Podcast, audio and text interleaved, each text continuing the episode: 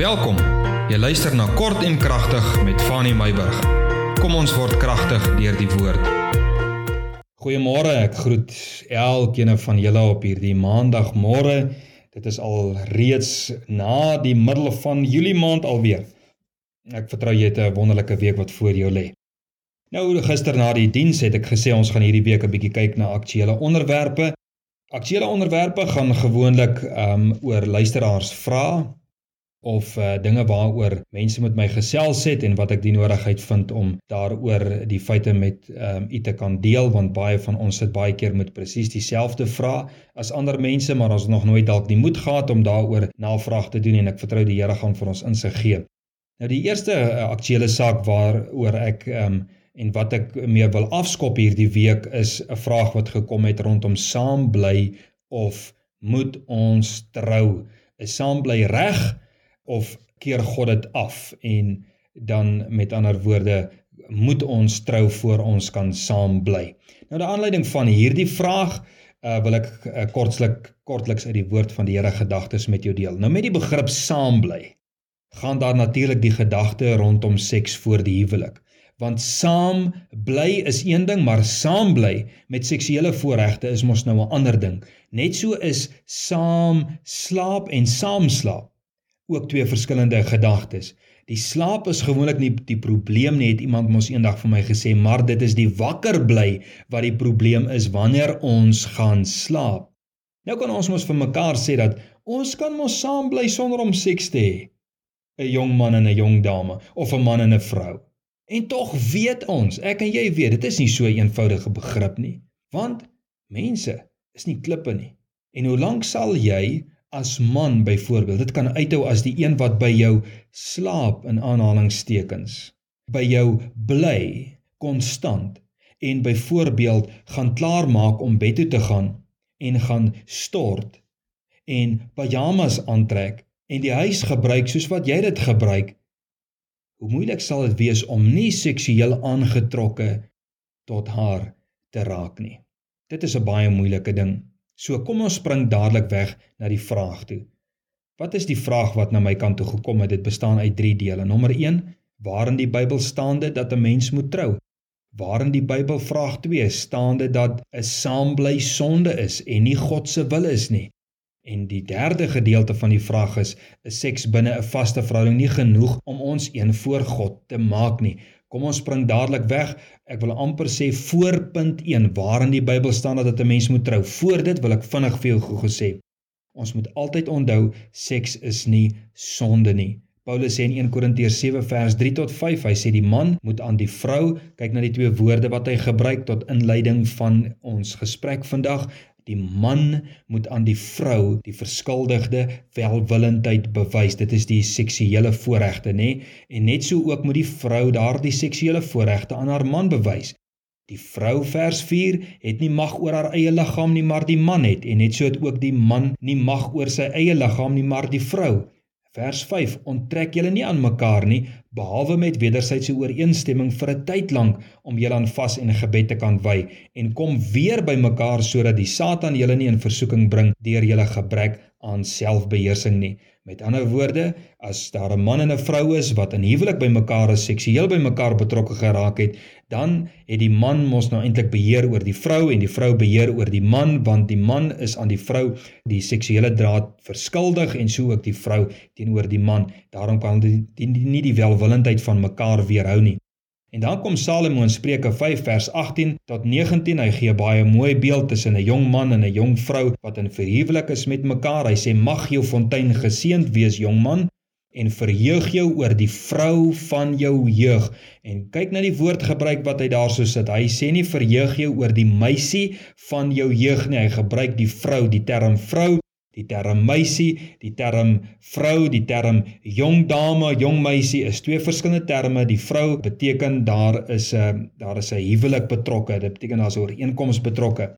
En dan sê in vers 19, hy sê die lieflike wilsbokkie en aanvallige steenbokkie laat haar boesem jou altyd vermaak. Mag jy in haar liefde gedurig deur bedwelm te wees. So dit beteken seks is nie verkeerd vir die Here nie, Salomo skryf daaroor, Paulus skryf daaroor. Dit is iets, ek meen hy gebruik die woord bedwelmd, hy gebruik die woord vermaak en dit is wat die seksuele daad eintlik binne die huwelik moet wees.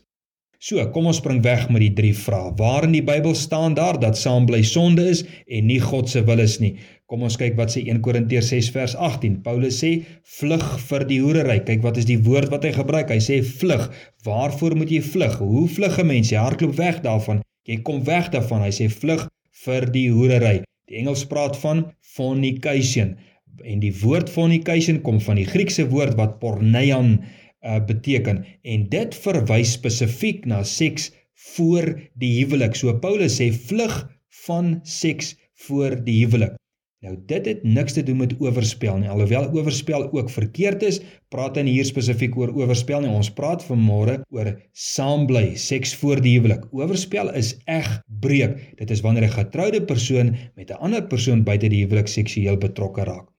Die tweede gedeelte van vers 18, hy sê enige sonde wat 'n mens doen is buite die liggaam Maar wie hoerery bedryf sondig teen sy eie liggaam. Ons verstaan nie 100% wat hy bedoel nie, maar ek dink die begrip daarso is dat enige sonde wat 'n mens doen is maar eintlik dade wat jy ek wil amper sê aan die buitekant van jou doen, maar wanneer 'n mens seksueel betrokke raak met mekaar, dan is jy besig om jou jou liggaam en jou emosies en alles te versondig in die proses.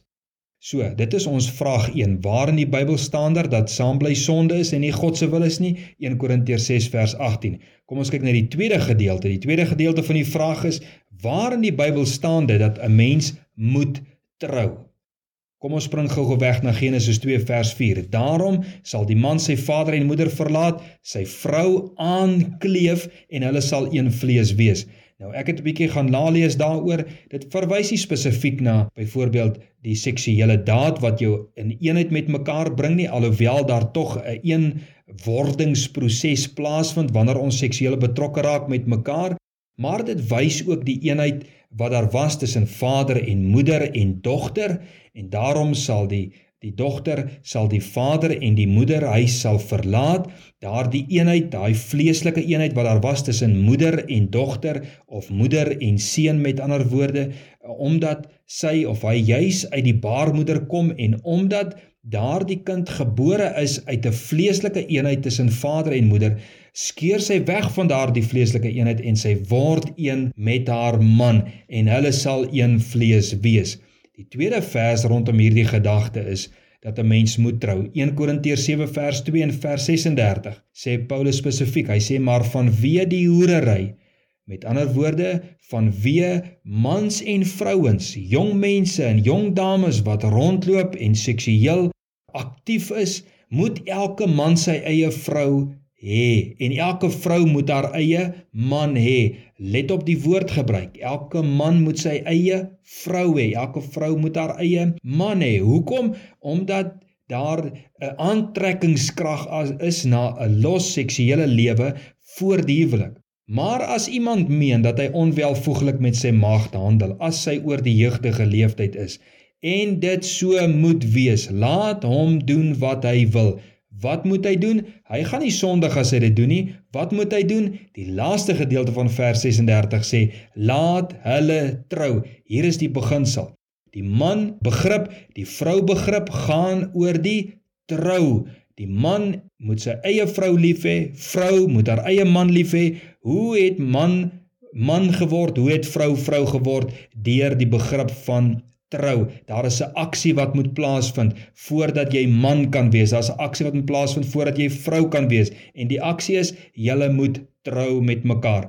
Maleagi 2 vers 13 tot 14, 'n kort agtergrond, praat die Here met die volk deur die profeet Maleagi en hy sê dat die vrouens huil voor my. Dit is wat die Here sê. Die vrouens ween voor my. Die vrouens is moedeloos. Hulle kla teenoor my. Hoekom kla hulle teenoor my? En die Here sê ek aanvaar nie die offers van die mans nie. En dan vra die mans in vers 14: Here, hoekom antwoord U ons gebede nie? En dan gee die Here die antwoord. En die Here sê: Omdat die Here getuie is tussen jou en die vrou van jou jeug aan wie jy ontrou geword het terwyl sy tog jou metgesel is en hoor wat sê hy verder en die vrou van jou verbond Met ander woorde, hoe word jy man en vrou van mekaar deur te trou? Hoe trou julle deur 'n verbond? sien julle hoekom Genesis 2 vers 4, 1 Korintiërs 7 vers 2 en vers 36 en Maleagi 2 vers 14, hoe kom hulle by mekaar uit? Daar is 'n man en vrou, daar is 'n troue en dit beteken daar het 'n verbond, 'n eenwordingsproses, 'n ooreenkoms met mekaar. Dit is 'n wetlike samestelling met mekaar want dis presies wat Romeine 7 vers 2 sê. Hy sê want die getroude vrou is deur die wet aan die lewende man gebonde en eers as die man sou sterf of as die vrou sou sterf, is hulle vry van die wet. Maar terwyl die man en die vrou getroud is met mekaar want die getroude vrou is deur die wet aan die lewende man gebonde. So staan dit nou met ander woorde in die Bybel dat 'n mens moet trou verseker. Genesis 2 vers 4, 1 Korintiërs 7 vers 2 en 36, Maleagi 2 vers 14, Romeine 7 vers 2. Nou wil ek afsluit met die laaste gedeelte van die vraag. Is seks binne 'n vaste verhouding nie genoeg om ons een voor God te maak nie? Dit is die vraag. Na aanleiding van ons verse, wat sou jou antwoord wees? Die antwoord is nee, dit is nie genoeg nie. Ja, in sonde het julle wel een geword met mekaar. Hoekom? Want julle is nou emosioneel gebind aan mekaar. Julle is geestelik gebind aan mekaar. Julle is vleeslik gebind aan mekaar uh omdat julle nou 'n aantrekkingskrag het na mekaar toe. Onthou wanneer daar 'n eerste seksuele passie plaasgevind het, is daar altyd 'n aantrekkingskrag na mekaar toe. Hoekom? Want julle is verbind aan mekaar. Julle is emosioneel verbind aan mekaar. Maar julle is nie voor God verbind aan mekaar nie want daar het nie 'n troue plaasgevind nie daar het nie 'n verbond daar het nie ooreenkoms plaasgevind nie daarom is julle nog nie man en vrou nie en daarom verkeer julle as julle dan sou saam bly beteken dit verkeer julle in hoerery en Paulus sê spesifiek hy sê vlug van hoerery. En dan gaan die Bybel verder en hy sê dat ons moet versigtig wees dat ons nie verval in hoerery nie want sulkes sal die koninkryk van God glad nie beerwe nie. So kan van die Here ek vertrou dat vir jou antwoorde vandag gekom, dat vir jou duidelikheid gekom. Indien jy enige vrae verder het of 'n ander tipe vraag het wat jy aan my wil stuur, kyk 'n bietjie daar op ons webwerf. Jy sal my kontak besonderhede daar kry. Stuur vir my 'n WhatsApp, stuur vir my 'n e-mail. Ek sal graag daarna kyk en die Here vertrou dat hy vir ons wysheid en insig gee rondom hierdie aktuelle sake. Mag die Here jou seën tot ons môre verder gesels.